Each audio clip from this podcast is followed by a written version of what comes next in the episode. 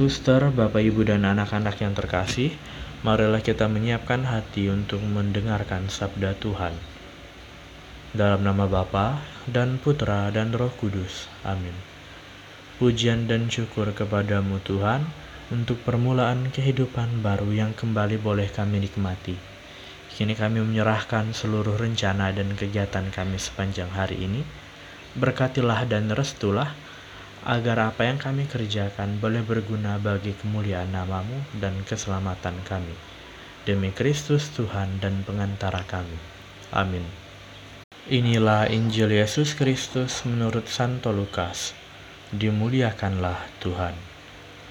Yesus berkata kepada murid-muridnya, Apabila kalian melihat Yerusalem dikepung oleh tentara, ketahuilah bahwa keruntuhannya sudah dekat pada waktu itu, orang-orang yang berada di Yudea harus melarikan diri ke pegunungan. Orang-orang yang ada di dalam kota harus mengungsi, dan orang-orang yang berada di pedusunan jangan masuk lagi ke dalam kota. Sebab itulah masa pembalasan, dan genaplah semua yang tertulis. Celakalah para ibu yang sedang hamil atau yang sedang menyusui bayi pada masa itu sebab kesesakan yang dahsyat akan menimpa seluruh negeri, dan murka akan menimpa bangsa ini. Mereka akan tewas oleh mata pedang dan diangkut sebagai tawanan ke segala bangsa. Yerusalem akan diinjak-injak oleh bangsa-bangsa yang tidak mengenal Allah, sampai genaplah zaman bangsa-bangsa itu. Dan akan tampaklah tanda-tanda pada matahari, bulan, dan bintang-bintang Bangsa-bangsa di bumi akan ketakutan dan bingung menghadapi deru dan gelora laut. Orang akan mati ketakutan karena cemas berhubung dengan segala sesuatu yang menimpa bumi ini karena kuasa-kuasa langit bergoncangan. Pada waktu itu, orang akan melihat anak manusia datang dalam awan dengan segala kekuasaan dan kemuliaannya.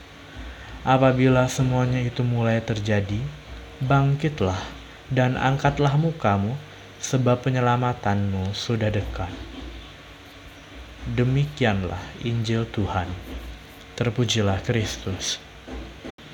Suster, Bapak, Ibu, dan anak-anak yang terkasih, hari-hari belakangan ini gereja menyuguhkan kepada kita bacaan-bacaan tentang hari terakhir atau hari kiamat seperti nubuat kehancuran Yerusalem yang kita dengarkan dalam Injil tadi.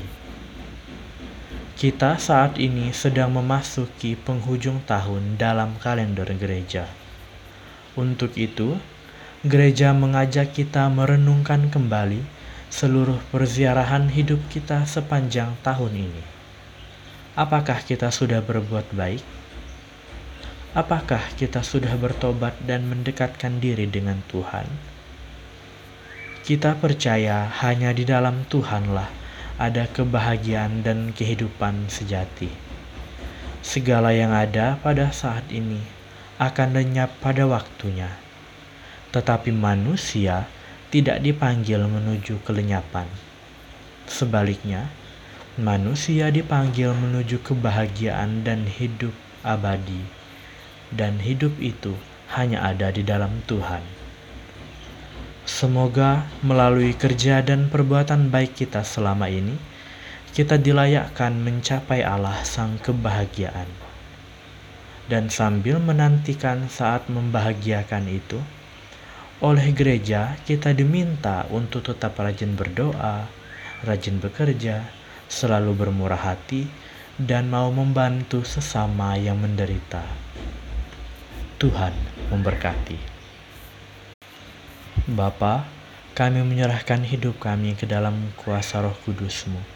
Sudilah kiranya dengan bantuan roh itu, Engkau menuntun hati dan seluruh hidup kami, agar apa yang kami lakukan boleh berkenan di hadapanmu dan membawa keselamatan bagi kami dan orang-orang di sekitar kami. Demi Kristus Tuhan dan pengantara kami. Amin. Dalam nama Bapa dan Putra dan Roh Kudus. Amin.